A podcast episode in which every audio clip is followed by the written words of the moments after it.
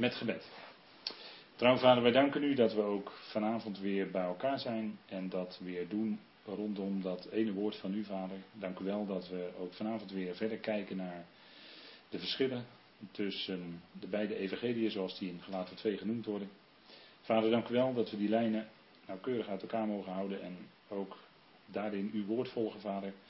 En ook daarin willen we een niet te beschamen arbeider zijn die het woord van de waarheid recht snijdt. Vader, dank u wel dat u ons dat geeft, dat we dat inzicht hebben mogen ontvangen. En daarmee zijn we niet beter dan andere mensen, maar begenadigd door u op een bijzondere manier. En vader, dank u wel dat u dat gegeven heeft en dat u dat geeft.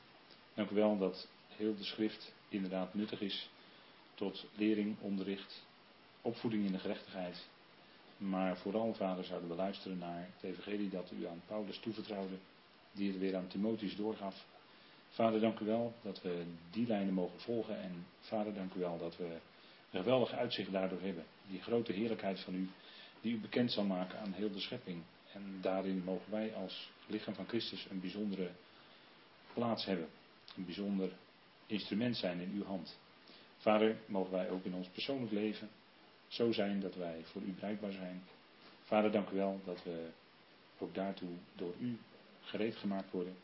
En dat we daardoor toegerust worden door het woord. Opdat we ook in ons leven, Heer, kracht hebben tot een wandel die tot eer van u is en die in alle rust is, in alle vrede is. Dank u wel, Vader, dat we mogen beseffen dat ook vanavond u de woorden zal geven, wijsheid wil geven in het spreken en in het luisteren. Geef ons een luisterend hart, dat wij die woorden mogen verzamelen en daardoor opgebouwd worden. Vader, dank u wel dat u ons dat geeft. We danken u voor uw goedheid, dat u ons dit moment geeft, dat we dat in alle rust en vrijheid kunnen doen. We danken u dat we door u geleid zullen worden en willen worden. Vader, dank u wel dat mag zijn tot eer van u. We danken u daarvoor in de naam van uw geliefde Zoon, onze Heer Christus Jezus. Amen. Goed, ik wilde graag met u dan een stukje lezen waar we mee bezig zijn. En dat is uh, Galaten 2. En dan lees ik met u even het stukje 6 tot en met 10. Omdat we daar nog wel vanavond ook mee bezig zijn. En kijken verder vanavond naar die aspecten van het evangelie van de besnijdenis. En daarin is denk ik goed om te beseffen dat wij uh, uh, luisteraars zijn naar dat evangelie. Omdat, uh, niet, omdat we die, dat evangelie verhelderd willen hebben. Ik bedoel het evangelie van de besnijdenis verhelderd willen hebben. Zodat we de verschillen zien tussen de beide evangeliën. En dat we met elkaar ontdekken uh, hoe belangrijk het is dat we dat evangelie van de voorhuid kennen en hoe wij uh, daarin die heerlijkheid van God mogen ontvangen en die bijzondere plaats hebben gekregen. Dus ik wil daarom met u lezen dat korte stukje, omdat we daar uitvoerig bij stilstaan, omdat het een, ook weer een, een van die kernstukjes is uit deze brief. Er staat vanaf vers 6, en ik lees u vanuit de concordante tekst. Van hen echter die van enig aanzien zijn, wat zij eens waren, is voor mij van geen belang. God hecht niet aan het menselijke aspect. Zij immers die in aanzien zijn, legden mij niets op, maar in tegendeel, toen ze zagen dat mij het evangelie van de vooruit toevertrouwd was, zoals aan Petrus dat van de besnijdenis, want hij die in Petrus werkzaam is voor het apostelschap van de besnijdenis, is ook in mij werkzaam voor dat van de natieën. En toen zij de genade erkenden die mij gegeven is, gaven Jacobus en Kefas en Johannes, die geacht werden steunpilaren te zijn, mij en Barnabas de rechterhand van gemeenschap, opdat inderdaad wij voor de natieën, maar zij voor de besnijdenis zouden zijn. Alleen dat wij de armen zouden gedenken, waarvoor ik mij ook inzet dit te doen. Tot zover. En we zijn dus bezig in Galatenbrief en dan de twee evangeliën. En wij kijken naar uh, het evangelie van de besnijdenis. Dat hebben we vorige keer ook gedaan. En ik wil even heel kort herhalen uh, dat het in dit stukje gaat om twee verschillende evangeliën. Kunnen we niet sterk genoeg benadrukken. Twee apostelschappen. Namelijk dat van Paulus en van Petrus. En dat is volkomen in harmonie met elkaar als je gewoon met, naast elkaar laat staan. Geen probleem. Zodra je ze gaat vermengen, is het hommeles, gaat het mis. En heb je geen evangelie. Maar dat is nu wel bekend hè, voor u. Dat staat in hoofdstuk 1. En daar rust het anathema op. De vervloeking. De anathema. En dat is ook zo. Dat zien we ook in de praktijk.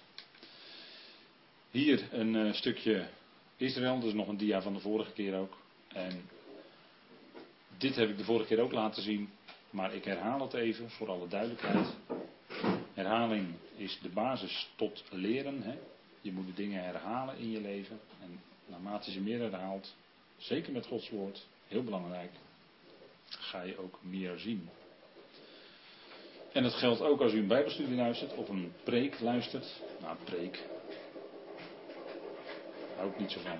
Maar als u uh, een, spreekbeurt van de zondagdienst luistert, dan uh, zou u hem eigenlijk twee of drie keer moeten luisteren. En een Bijbelstudie ook twee of drie keer. En dan hoort u allemaal, de tweede en de derde keer, hoort u allemaal dingen waarvan u zegt van, hé, hey, dat heb ik de eerste keer helemaal niet gehoord. Maar het is wel gezegd. Dat komt omdat je bezig bent met verwerken van dat wat gezegd is. En in dat verwerken hoor je niet het volgende wat gezegd is. Dat is gewoon heel bekend. Hè? Zitten hier mensen in het onderwijs, die zitten nu heel erg te knikken. En uh, die bevestigen dat. Dus uh, ja, dat is gewoon een onderwijskundig uh, bekend iets. Hè? Je moet, zeker met Gods woord, de dingen moet je meerdere keren beluisteren. En dan hoor je meer. Dan komt er ineens allerlei dingen naar voren die voor je hart heel goed zijn. Evangelie van de besnijdenis, evangelie van de vooruit, evangelie van de besnijdenis red tot het aardse koninkrijk dat door de profeten aangekondigd en beloofd was. En het evangelie van de voorhuid red tot het lichaam van Christus te midden van de hemelingen in de hemelen. En nog even terugdenkend aan afgelopen zondag had ik hier ook kunnen zetten red tot het hemels koninkrijk. Dan staat er letterlijk het op hemels koninkrijk. Er staat epuranion. En dat betekent dat het gaat om die hemelse bediening. Want dat is meer dan alleen het woord uranion, hemels. Er staat op hemels koninkrijk. En degene die graag redeneren, die willen dat maar al te graag wegredeneren. Maar er staat epuranion. Geloof. De Jood moest besnijdenis en wet loslaten als hij het evangelie van de voorhuid wilde geloven. Daar zijn we vorige keer zo'n beetje mee geëindigd. En waarom staat dat hier zo? Nou, omdat Paulus' evangelie in Romeinen 3 zegt dat er nu gerechtigheid van God openbaar is geworden buiten de wet om. Los van de wet. Dus waar Paulus begint, is hij eigenlijk los van de wet. En dan zegt hij wel een gerechtigheid waarvan de wet en de profeten getuigen. Maar het is wel een gerechtigheid die een mens niet kon bereiken door het volbrengen van de werken van de wet. Dus de wet en de profeten getuigen wel van die gerechtigheid van God. Maar die is pas naar voren gekomen. En kan pas in de gelovigen komen en aan de gelovigen toegerekend worden. Nadat het geloof van Jezus Christus is gebleken. Want daar staat ook door het geloof van Jezus Christus. En het is voor allen, staat er dan. Daar staat wel gewoon voor allen hoor. En er staat er voor, maar letterlijk staat er naar binnen allen. En op allen die geloven. Dus het is sowieso voor allen. Die gerechtigheid van God zal het deel van allen worden. Dat zegt Paulus al in Romeinen 3. Maar het komt nu op allen die geloven. Dat is eigenlijk de strekking van wat hij zegt. En dat is door het geloof van Jezus Christus. En dat is de grond van onze rechtvaardiging. Onze rechtvaardiging is door het geloof van Jezus Christus. Onze rechtvaardiging is in zijn bloed. En onze rechtvaardiging is in zijn genade door de vrijkoping die in Christus Jezus is. Dat zijn de drie aspecten waardoor wij die gerechtigheid toegerekend krijgen. En u heeft er dan gehoord, is daar, helemaal, is daar iets van u bij? Nee, helemaal niets. Dat is helemaal zijn werk. En dat is, dat is het ook. Hè. De vrijkoping in Christus Jezus is helemaal Gods werk. Dus daar is helemaal niets van u of van mij bij. En dan zegt u, ja, dat zeg je elke keer. Ja, dat is zo, dat klopt. Dat zeg ik ook elke keer. Omdat het zo is en omdat het heel belangrijk is. Geloof in het evangelie van de besnijdenis. En dan gaan we even weer kijken, verder inzoomen op het evangelie van de besnijdenis. En al voorbereidend kwam ik eigenlijk toch tot de conclusie dat we toch daar vanavond nog de hele avond bij stil moeten staan. Opdat u goed de verschillen ziet. Want dat is zo ongelooflijk belangrijk in deze tijd waarin er zoveel verwarring is op het geestelijk erf En de verwarring is er al 2000 jaar hoor. Maar goed, die verwarring komt soms heel dichtbij. En dan, uh, ja, dan kun je soms bijna met Paulus meedenken als hij het heeft over de binnengedrongen valse broeders. Maar goed, ik ga daar verder niet te diep op in. Maar dat is wel aan de hand. En vergeving, kijk, het geloof in de evangelie van de besnijdenis leidt tot vergeving van zonden. Wat is nu vergeving? Want om u heen heeft iedereen het over vergeving. En dan, als je dan in gesprek bent met iemand, dan zeg je ja, jij zegt nu wel vergeving, maar ik heb het eigenlijk over genade schenken. En wat is dan het verschil? Nou, genade schenken gaat veel verder. Bij genade schenken is het weg en kom je er ook nooit meer op terug. Vergeving kun je op terugkomen. Kan ik aantonen uit de schrift. bij vergeving is het niet weg, niet echt weg. Het is wel vergeven, maar het is niet echt weg. En kijk, vergeving betekent namelijk vanaf laten, hè? letterlijk. Dus je laat het gaan. Je rekent het iemand niet aan als schuld.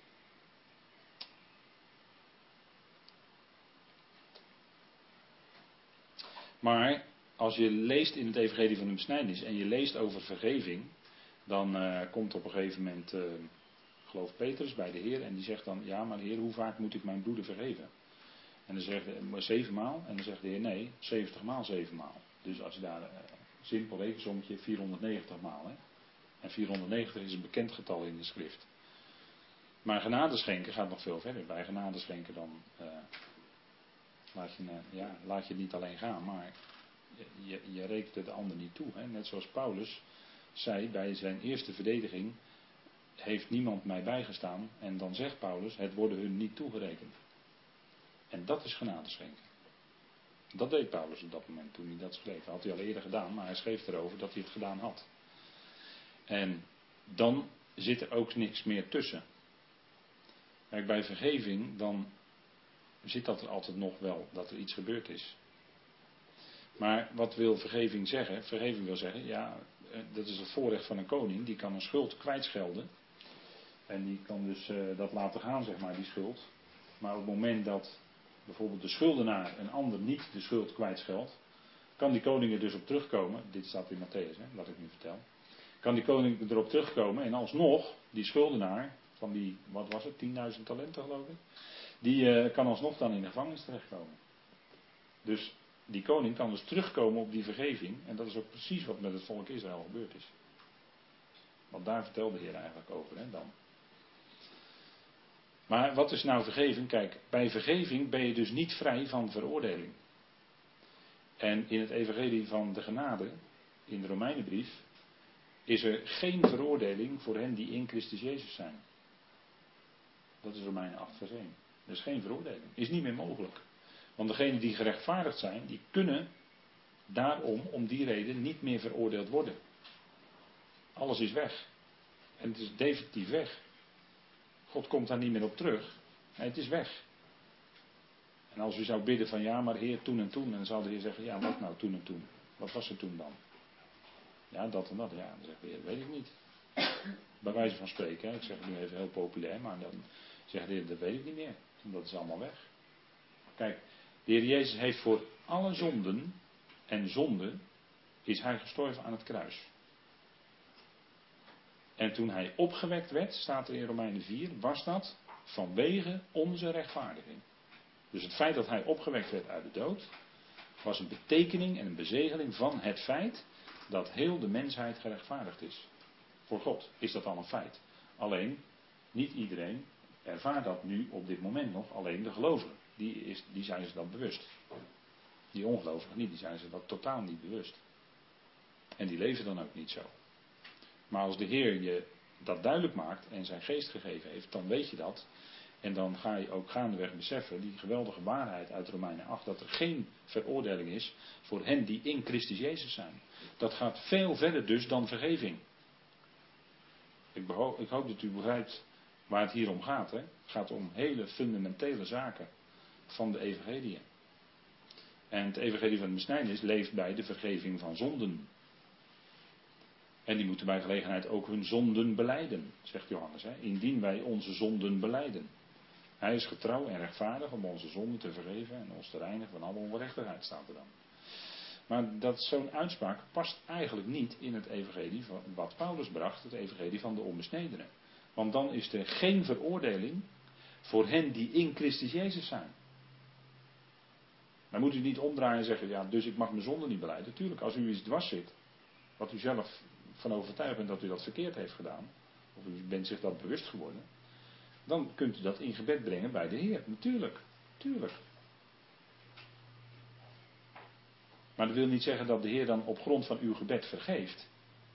Nee, die zonde was al lang weggedaan. Alleen in onze ervaring is het voor ons dat wij daarmee zitten. Of mee tobben misschien. En dan is het goed om dat in het licht van de Heer te brengen in gebed. En dan is het weg. En dan kun je de Heer danken voor de rechtvaardiging die je al veel eerder hebt ontvangen. En de genade die Hij je schenkt, dag aan dag.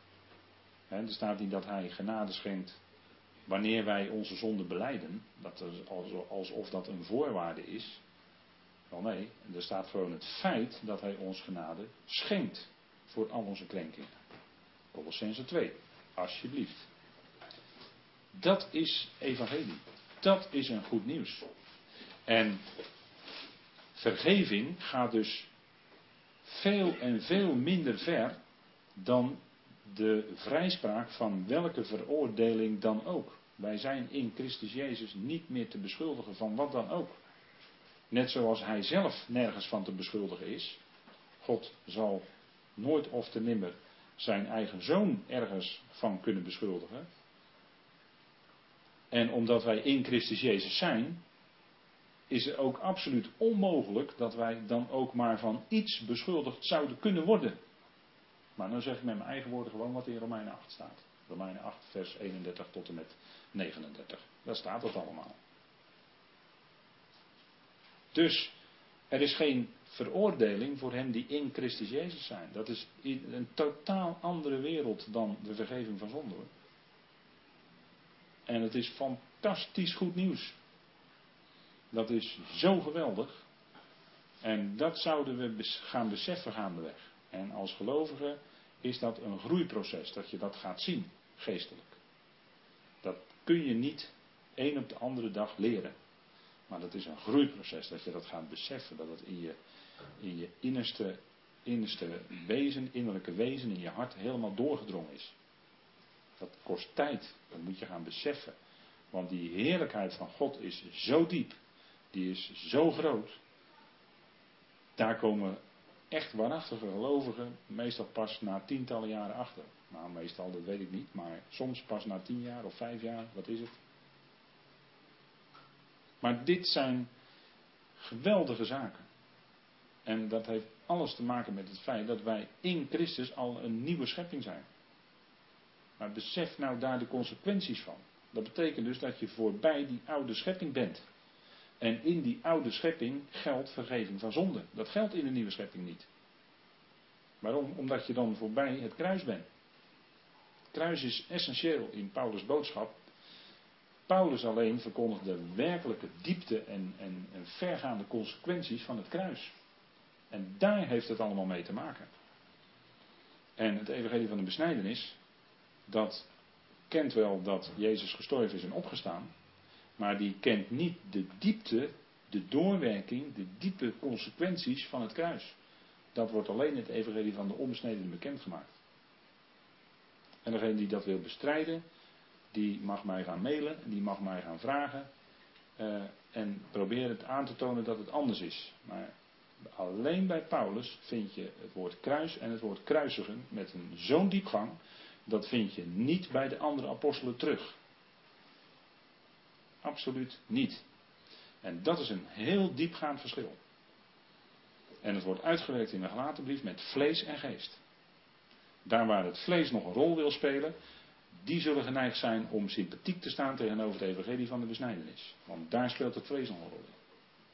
En daar zit geestelijk gezien gewoon een enorm strijdpunt, een conflict. Daar zit het conflict vaak op vast. Maar wij zouden zien dat het vlees ook aan het kruis meegekruisigd is. En daarmee rekenen in ons leven, geestelijk gezien. En als je dat gaat doen, ja, dan kom je echt verder. En anders kom je geen stap verder en blijf je uh, zitten in de verwarring. Maar goed, dat is, uh, uiteindelijk uh, is vader met ieder op weg. En dat, dat zouden we beseffen. En dat is ook zo. Maar ik, wij hebben bijbelstudie omdat we wel die verschillen zullen gaan zien. Dat we wel die verschillen duidelijk krijgen. Nou, kijk, het volgende verschil is, vergeving zegt geen verzoening aan. De vergeving van zonde is totaal iets anders dan de verzoening die Paulus bekend maakt. In het evangelie van de besnijdenis heb je het woord hilaskomai. Dat is hetzelfde begrip als in het Hebreeuws het woord kasha of kafar, bedekken of beschermen. En dat is het Griekse woord hilaskomai of hilasterion, dat is verzoendeksel. Maar dat is een bedekking en dat had te maken met de vergeving van zonde. Romeinen 3. Paulus introduceert een heel ander begrip, namelijk katalasso en apokatalasso. Dat is verzoening en wederzijdse verzoening. Wordt alleen door de apostel Paulus gebruikt. En altijd als consequentie van het kruis. Wederzijdse verzoening. Verzoening is door het kruis. Dit zijn begrippen die vreemd zijn aan het evangelie van de besnijdenis. En dat, dat valt niet door elkaar te mengen. Daar loop je geestelijke schade mee op. Nou, net zoals wet en ritueel, want dat heb ik net al genoemd, hè, met kafar en kasha. Kasha is het uh, Hebreeuwse woord voor bedekken en kafar is het Hebreeuwse woord voor beschermen. En die begrippen die spelen een rol in de bedekking van de zonde bij Israël. Maar we zouden, ja, we zouden ook de Hebreeënbrief van moeten bespreken. Om dat verder duidelijk te maken hoe dat zit. Maar uh, het offer van Christus is eenmaal voor altijd gebracht. Hè? Eens voor altijd. En de offerdienst bij de tempel en het tabernakel moest steeds herhaald worden. Dat waren steeds offers die herhaald moesten worden, omdat er, het steeds maar voor een jaar gold. En dan zegt de Hebreeën schrijver ook dat die offers de zonde niet wegnamen. Maar ze werden bedekt voor een jaar. En definitief werd het weggedaan door het werk van de Heer Jezus Christus aan het kruis en zijn opstanding. Toen werd het definitief weggedaan. En dat is wat de Hebreeën schrijver ook probeert duidelijk te maken aan de Hebreeën. Dus wet en ritueel brengen geen verzoening. Dus gaan leven onder, onder de Torah is zo vreemd aan het evangelie van Paulus. Zo vreemd. Want je draait de klok gewoon terug. Je draait de klok terug alsof je nog in de oude schepping bent. Terwijl je in Christus een nieuwe schepping bent. Super inconsequent. Nou. Dan uh, leven wij in de tijd dat uh, de zon bijna opgaat. Hè? Dat is een mooi plaatje van de zonsopgang. Maar de zon is nog net niet. Uh, de nacht is nu heel ver gevorderd, zegt Paulus, Romeinen 13. En als de nacht het, dichtst, de dikste duisternis heeft, dat is tegen de ochtend, dan is het ochtendgloren dichtbij. Hè? Dus dat is een mooi plaatje van wat gaat komen. Nou, kijk, vergeving, we gaan nog even door op dat vergeving. Vergeving vereist dat God voorbij gaat aan de gevolgen van de zonde. En wat was het gevolg van de zonde? Dat je gedood moest worden. En ja, hier kunt u misschien niet helemaal duidelijk zien, maar dit is een plaatje hierbij, bij deze dia, van een deur met, waaraan de deurposten bloed gestreken is. Nou, dan weet u wel waar het over gaat. Hè? Dat is toen God Pascha hield, dat was voorbijspringen aan de huizen van Israël, want daar was bloed op de deurpost. Als een type van het bloed wat later gebracht zou worden door de Heer Jezus Christus zelf. En op basis daarvan ging de doodsengel of de engel van het verderf ging aan dat huis voorbij en werd niet de eerstgeborene gedood. We staan nu even niet stil bij de prachtige typologie die daarin zit, want dat is wat hoor, dat is wat. Maar goed, dat is de geestelijke betekenis van de Torah. Hè? Als we daarover gaan praten, ja, dan wordt het geweldig hoor. Op die manier over de wet praten of over de Torah, ja, dan, dan is het geweldig. Maar het gevolg van de zonde zou moeten zijn, naar de Torah, dat iemand gedood wordt. En uh, ik moest denken aan uh, die sabbatschender, weet u wel. De man die de sabbat schond, weet u wat hij deed op sabbat? Houtsprokkelen, precies. Houtsprokkelen op de sabbat. En daarom moest hij gedood worden. Ja, zo erg was dat. Hij sprokkelde hout op de Shabbat. En daarom moest hij gedood worden. Dat was de werking van de wet. Hè. Daarom noemt Paulus de Torah in 2 Korinthe 3 ook een bediening van de dood. Want als je de Sabbatsgeboden overtrad, moest je gedood worden. Zo streng was dat. En dat was natuurlijk daar zit natuurlijk een geestelijke betekenis aan vast. Een type is dat natuurlijk, typologisch wijst dat op dat de mens geestelijk tot rust moet komen, want daar spreekt de Shabbat natuurlijk van. Dat wij in geloof ingaan in de rust. Daar spreekt eigenlijk de Shabbat van.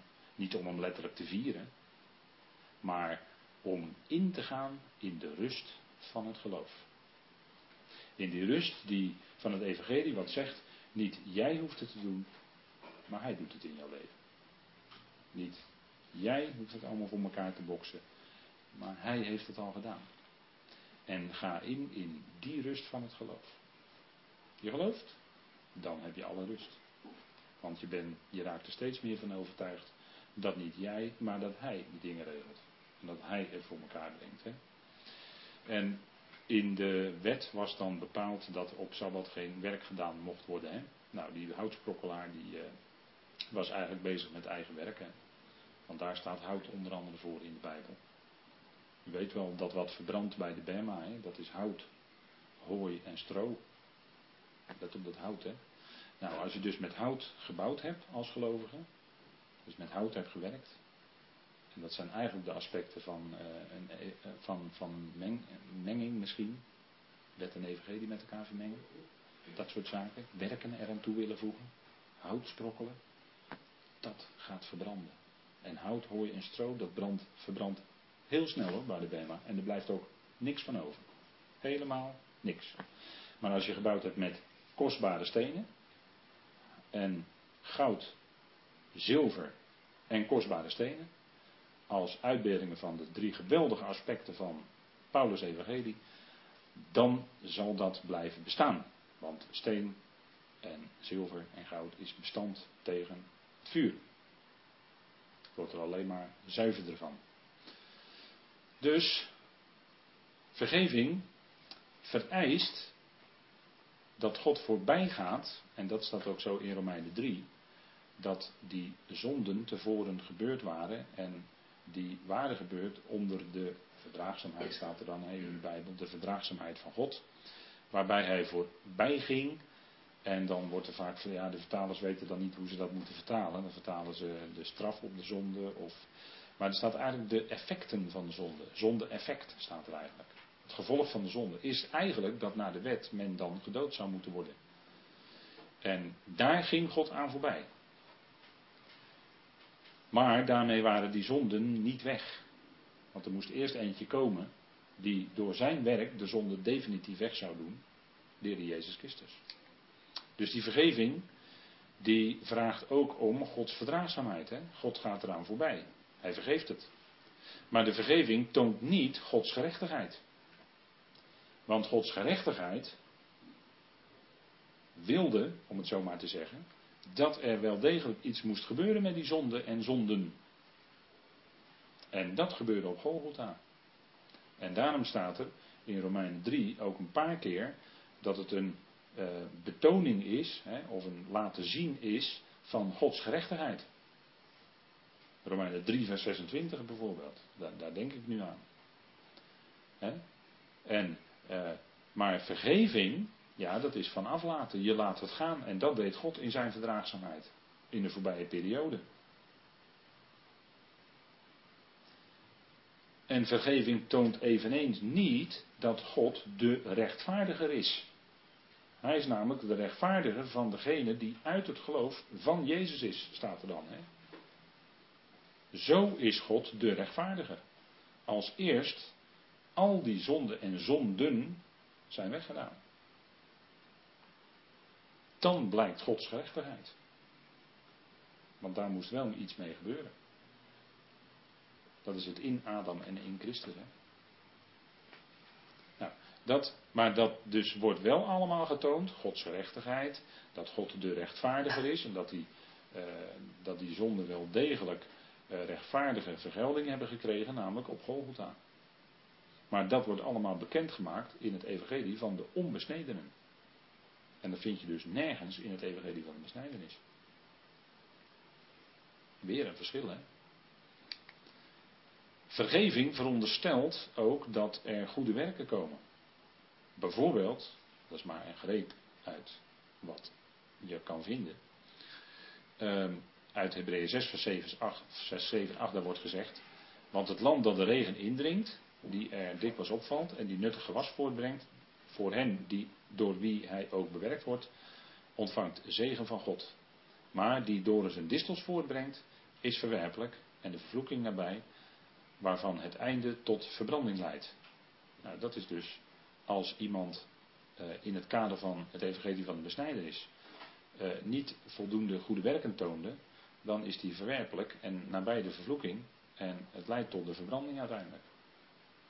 Het evangelie van de besnijdenis, uiteindelijk, als je niet volhardt tot het einde, ga je ook het koninkrijk niet in. Als je niet voldoende goede werken produceert, ja, dan uh, heeft dat consequenties. Maar dat is dus totaal vreemd, zoiets aan als je beseft dat je gerechtvaardigd bent om niet. En in zijn genade, dat is iets totaal anders. Hè? Dat, zijn totaal andere, dat is een totaal ander geestelijk uh, klimaat waar je dan in bent, om het zo maar te zeggen. Dus dat zijn enorme verschillen. Dus dat, dat, dat is wat we goed zouden beseffen, hè? Deze, deze bijzondere. Hè? Want binnen het Evangelie van Besnijdenis moet je dus werken gaan doen. Dat is noodzakelijk. en dan, dan, dan worden er allerlei dingen geroepen, maar daar komen we zo nog wel op. Er worden allerlei dingen geroepen. Dat het dan eventueel ook voor ons zou gelden of zo. Maar dat, dat, dat, dat ligt toch echt anders. Kijk, dit is dan een, een land wat goede vrucht voortbrengt. Hè? Dus uh, ja, wij hebben geen volkstuintje hoor. Dit is niet bij ons achterhuis. Ja, aan de Merelaan, want daar liggen allemaal steentjes als ik zo kijk. Maar dit is een uh, volkstuintje, ja, kan je doen. Kan je allemaal dingen verbouwen, kool en zo. En, uh, ja. en als het voldoende water geeft, dan komt er ook fris groen gewas uit en zo. Dan kan je van je landje kan je eten. He, dat hoef je dan niet te bespuiten. En, met dat zaad weet ik het dan niet hoe het zit. Hangt even vanaf van welk bedrijf dat afkomstig is, dat zaad. Als u begrijpt wat ik bedoel. Maar uh, ja, goed, dan kan je daar uh, goede oogst van hebben, goede vrucht voortbrengen. Dat is eigenlijk het beeld wat Hebreeën oproept, hè, Hebreeën 6. Maar goed, vergeving vereist, ja, ik blijf even, nog even doorgaan over dat vergeving. Vergeving vereist dat wat met redding van doen heeft. En heeft te maken met ijver tonen tot de voleinding. Of met andere woorden, je moet aan de slag blijven. Je moet goede werken blijven produceren en daarin volharden tot het einde. Dat is uh, wat, wat belangrijk is hè, in dat evangelie. En dat bijvoorbeeld Hebreeën 3, vers 6 en 14, die spreken daarover. Als uh, illustratief. Nou, zullen we het even met elkaar opzoeken. Ik heb dat niet op de dia uh, uitgeschreven. Dus we kunnen dat even met elkaar opzoeken. Hebreeën 3.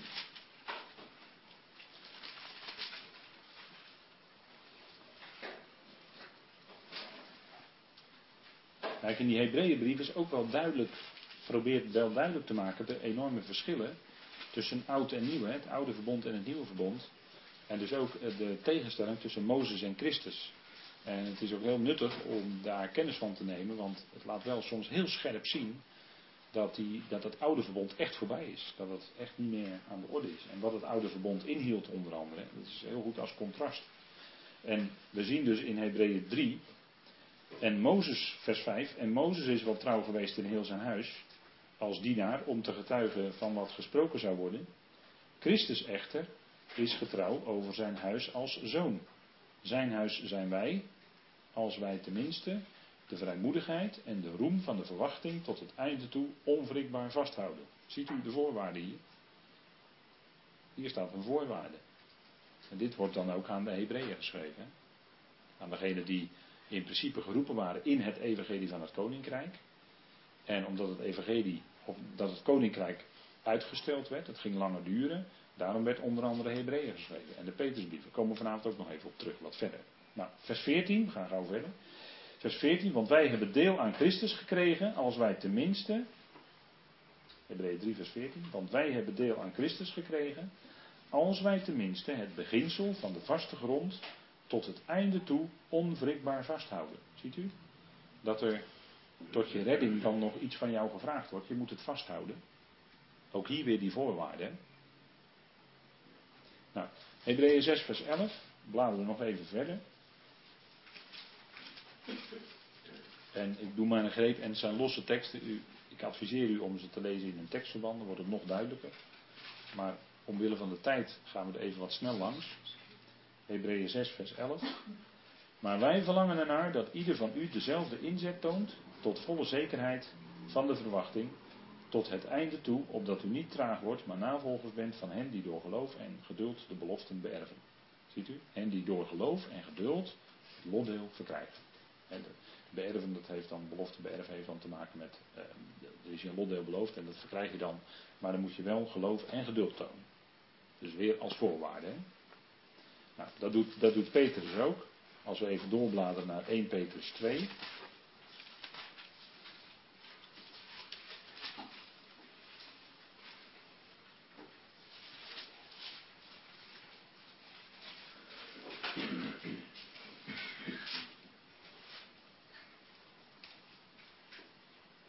En er staat dan vers 2, 1 Petrus 2 vers 2, ik lees even een paar versen ervoor. En verlang vurig als pasgeboren kinderen naar de zuivere melk van het woord, opdat u daardoor mag opgroeien.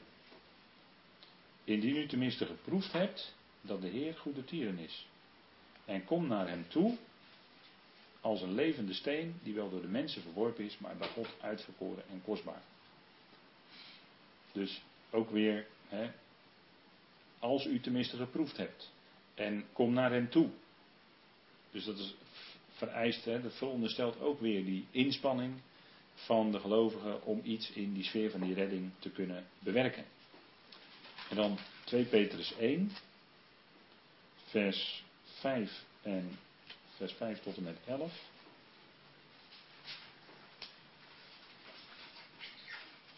2 Petrus 1, vers 5 tot en met 11. En daar lezen we ook weer een stukje voorwaarden.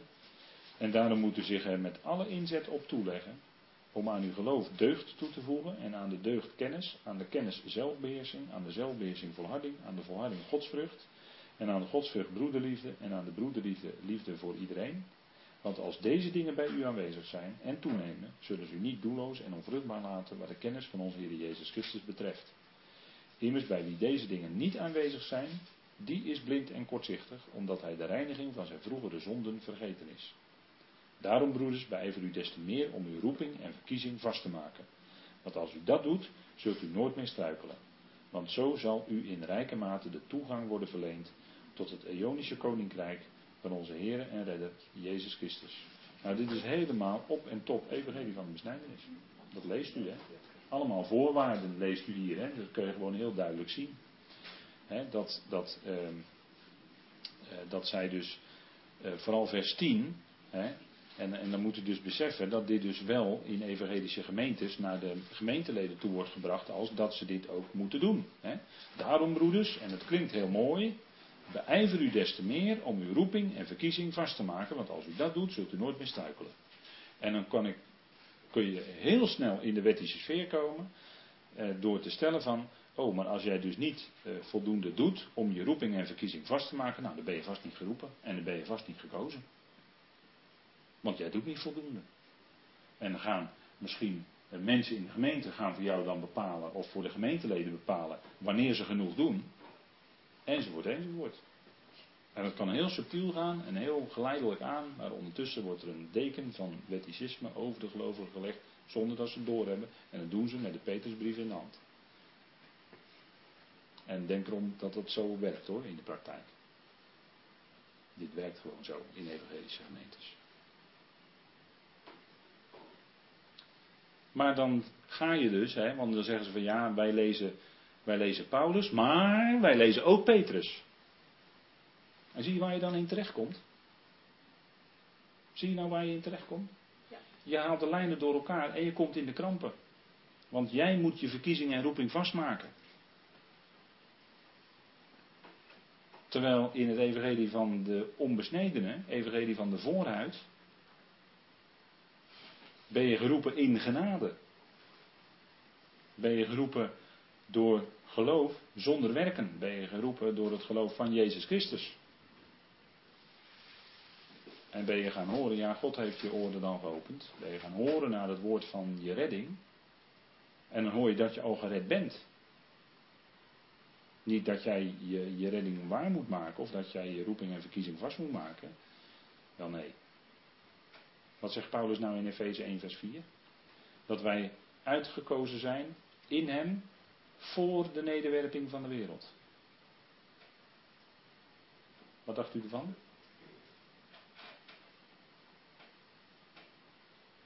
Nou, en ik, dan zou ik natuurlijk een heel gesprek hier kunnen opvoeren van hoe zo'n twistgesprek gaat, maar dat doe ik niet.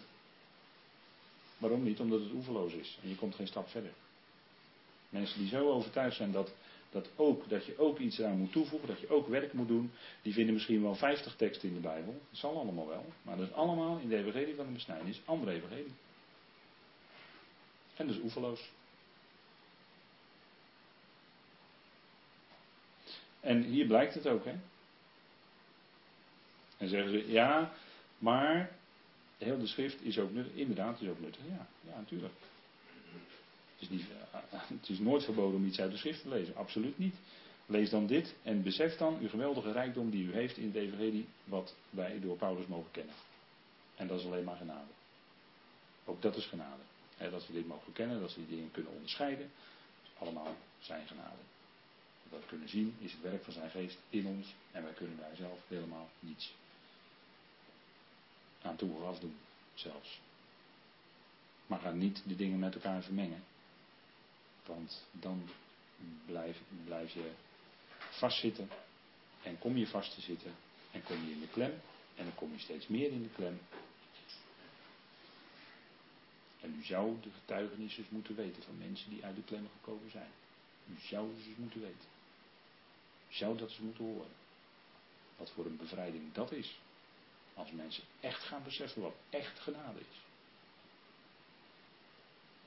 Voor een geweldige bevrijding dat geeft in het geestelijk leven. Zou eens moeten weten. He? Maar dat wordt niet altijd gezegd. Of dat wordt dan soms weggemoffeld of zo. Maar zo is het wel. En in de klem zitten, dat zijn er veel te veel in Nederland. Die in geestelijk Nederland, evangelisch of in kerken, geestelijk gigantisch in de klem gezet zijn. Zonder dat ze zelf beseffen. Maar ze lopen wel in de krampen, de geestelijke krampen. En daar komen ook die lichamelijke klachten van. Ja, inderdaad. Begrijpt u? Want heel veel klachten zijn psychosomatisch. Die komen voort dat er een knoop zit ergens in de ziel, laat ik het zo maar zeggen. Of in het geestelijk leven, want dan gaat, het gaat vaak nog dieper natuurlijk. Hè. Er zit vaak een geestelijke achtergrond achter. Maar dan komen ze in de knoop in de ziel. En daardoor krijgt men lichamelijke klachten. Ja, ik heb zo'n pijn in mijn hartstreek. Gaan ze naar de dokter, die gaat luisteren, er is niks aan de hand. Ja, ik heb toch pijn in mijn hartstreek. Nou, ik denk dat die dokter dan meestal wel zo wijs is om dan wat verder te vragen. En dan blijkt dat er iets niet goed is in de psyche, hè? dat er iets niet goed is in het denken, laat ik het zo maar zeggen. Het heeft vaak een geestelijke achtergrond. Het heeft met deze dingen te maken. Als mensen beseffen wie God is, dat God niet de veroordelende God is. En dat hij niet eh, van boven zit te kijken wat jij vandaag eh, tien dingen fout hebt gedaan en elf dingen goed, dan is het een goede dag geweest. Maar oh wee, als je tien dingen fout hebt gedaan en vijf dingen goed, en dan slaat de balans naar de verkeerde kant door. Zo zien veel mensen God. En dat is een karikatuur. Want God is een zee, een oceaan, zo diep van liefde. Daar hebben we nog geen idee van. Maar vaak gaan mensen dat pas beseffen als ze in hun leven heel diep gezeten hebben. En Saulus had diep gezeten. Die had zo diep gezeten. En die heeft zo beseft wat genade werkelijk betekent. Want die zat in de klem van het judaïsme. Hè. Praat nu een tijdje over klem zitten. En van klem zitten krijg je lichamelijke klachten. En die lichamelijke klachten gaan verdwijnen als het geestelijk goed komt te liggen in uw leven. En u de genade gaat beseffen die Paulus verkondigt. En Paulus getuigde dus uit zijn eigen leven. Want die had klem gezeten in het judaïsme tot en met. En wat leverde dat op bij hem? Nou, niet veel goeds. Nijd, twist, afgunst, jaloezie. Moet ik nog even verder gaan in dit bedenkelijke rijtje? Maar dat leverde dus een, een leven onder de wet, hè? een weticistisch leven, leven. Dat levert het op. En daar komen ook die lichamelijke klachten van als een mens stinkend jaloers is, verschrikkelijk jaloers, dan krijgt hij daar lichaam klachten van. Daar kan je ontstekingen van krijgen.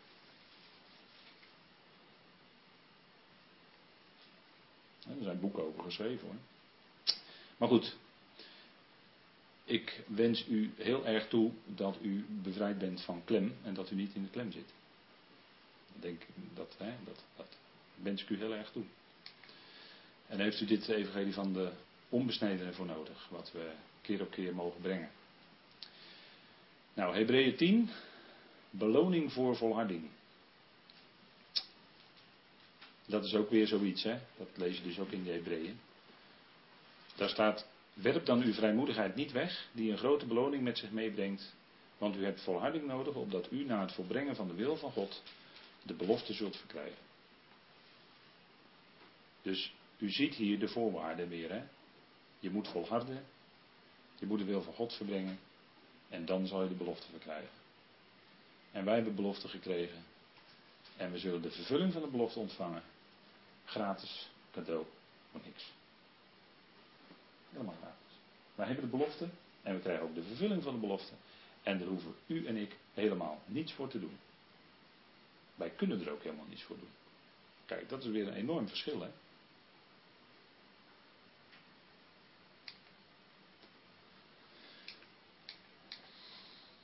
En dan zien we hier een mooi plaatje van de zee. Hè? Nou, de zee is altijd een heel mooi beeld van Gods liefde. Hè?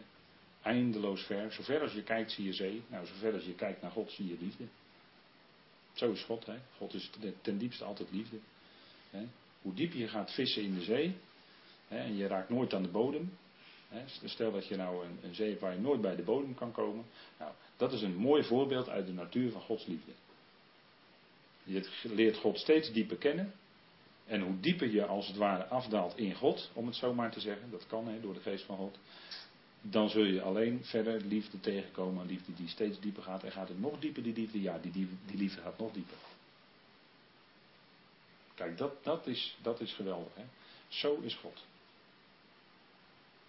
En, en dat is wat, uh, wat mensen die heel diep vast in zonde, heel diep in de zonde hebben gezeten, heel erg diep, en daaruit gekomen zijn, die mensen, moet je eens horen wat voor dieven een getuigenis hebben. Over de genade van God in hun leven. hoe dieper de zondaar gevallen is en daar weer uitgekomen is, hoe sterker en krachtiger het getuigenis. Dat zijn gewoon de, de geestelijke wetten, om het zo maar te zeggen. de geestelijke wetmatigheden. Nou, en de zee, als je aan de zee staat en je, nou, je ziet zover als je kijkt zee, dan, uh, nou, dat is Gods liefde. En je kijkt naar God en je kijkt heel ver. Dan zie je dus alleen liefde. Maar goed, we keren weer even terug naar ons onderwerp van vanavond. Evangelie van de besnijdenis. Wat houdt dat in? Op deze dia ziet u dan een tekst uit Matthäus, Matthäus 10. Matthäus 10, vers 22 en 24, vers 13. Waar gaat het dan om? Als het gaat om het einde, de eindtijd, het einde van deze eon. Dan gaat het voor Israël om en jullie zullen alle gehaald worden, zegt de Heer Jezus in Matthäus 10 tegen zijn volksgenoten, de discipelen, de apostelen die erop uitstuurden, 70. En jullie zullen alle gehaald worden om mijn naam. Maar wie volharden zal tot het einde, die zal gered worden. Dat wil dus zeggen, volharden door de grote verdrukking heen. u ziet het staan met die witte letters in die blauwe pijl. En dat is tot het einde van deze eon. Als de Jood dan volhardt tot dat einde, dan zal die ook gered worden, namelijk het aardse koninkrijk binnengaan. Als de Messias Jezus gekomen is. En andersom is dus de consequentie, volhard je dus niet, dan zul je dus omkomen in de gerichten en dan heb je dus geen deel aan het koninkrijk. Dat is de consequentie. Dus het gaat om volharden als voorwaarde. En in Matthäus 24 staat dat ongeveer hetzelfde. En dan staat één vers verder. En dit evangelie van het koninkrijk zal gepredikt worden. Tot de getuigenis van alle volken. En dan zal het einde komen. Het einde van wat? Nou, het einde van deze eon. Maar dat is dit evangelie van het koninkrijk. Dat zal dan nog een keer aan, voor het echte einde van deze eon gepredikt worden. Aan alle volkeren. Dat is niet nu. Dat is niet nu. Maar dat is straks door de 144.000. Als u het mij vraagt dus wij als christenheid of christendom verkondigen niet het evangelie van het koninkrijk. In de praktijk gebeurt dat helaas wel. Maar wij verkondigen, onze, onze opdracht is niet om het evangelie van het koninkrijk te verkondigen. Maar we zouden Paulus volgen en zijn evangelie. Maar dat wordt maar nauwelijks gehoord. Dus er zijn enorme verschillen. En, en, en grote voorgangers in Nederland die zeggen dan ook van eh, ja, als alle Bijbels in alle talen vertaald zijn, bijvoorbeeld. Hè, zijn bekende voorganger uit Friesland, die zei dat een tijdje terug. En die beriep zich op die tekst uit Matthäus 24. En dan eh, gaf hij de indruk dat wij als christenen dat zouden doen. En als wij er maar hard genoeg werkten, en als wij dan maar ervoor zorgden dat, dan zou het einde ook kunnen komen. Zie je hoe een enorme omkering hier plaatsvindt? Dus als wij hard werken, kunnen wij als het ware de komst van de Heer Jezus Christus dichterbij brengen. Denkt u dat hij één dag eerder komt dan dat Vader bepaald heeft? En wij menen in onze uh, eigenzinnigheid, laat ik het zo maar noemen, ik wilde hele andere woorden gebruiken, maar in onze eigenzinnigheid menen wij dat we dan daardoor die komst van de Heer Jezus dichterbij kunnen brengen. Nou, ik dacht het niet. Ik dacht het niet. En dat is niet eigenwijzigheid van mijn kant, maar dat is als je de schrift ernaast legt. En als je toetst in de context waar die tekst in staat, in die context. Matthäus, het evangelie van de koning en het koninkrijk. Die tekst, in die context staat het. Je moet de Bijbel altijd contextueel lezen.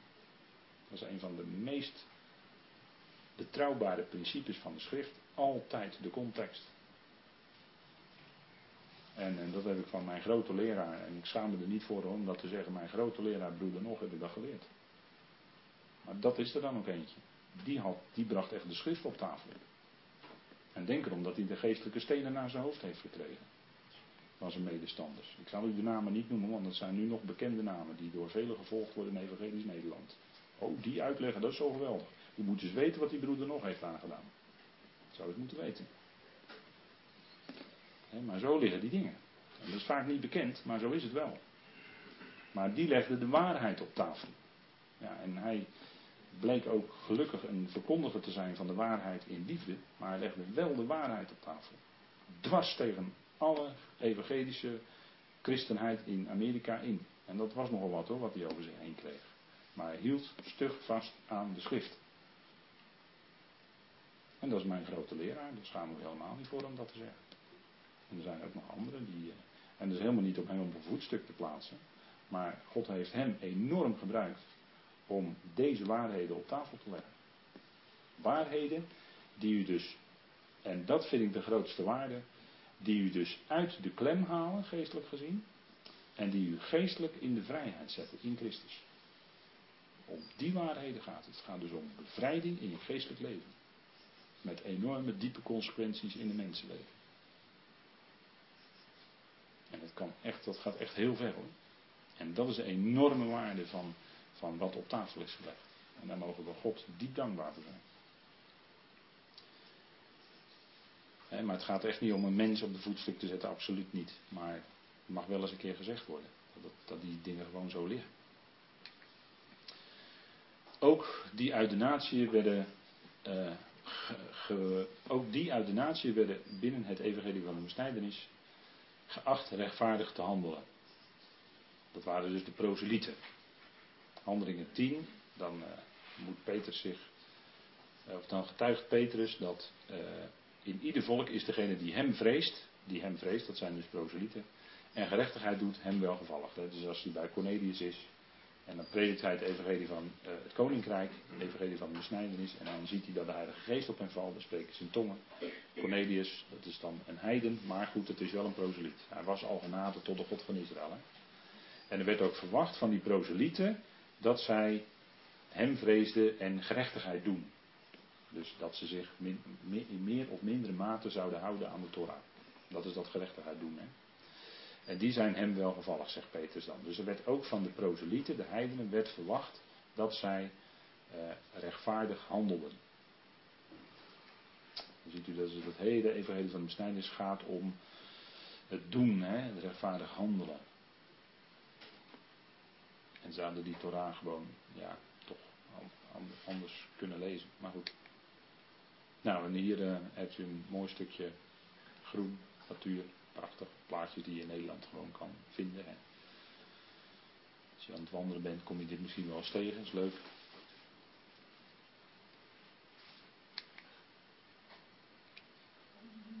Goed, we gaan even pauzeren.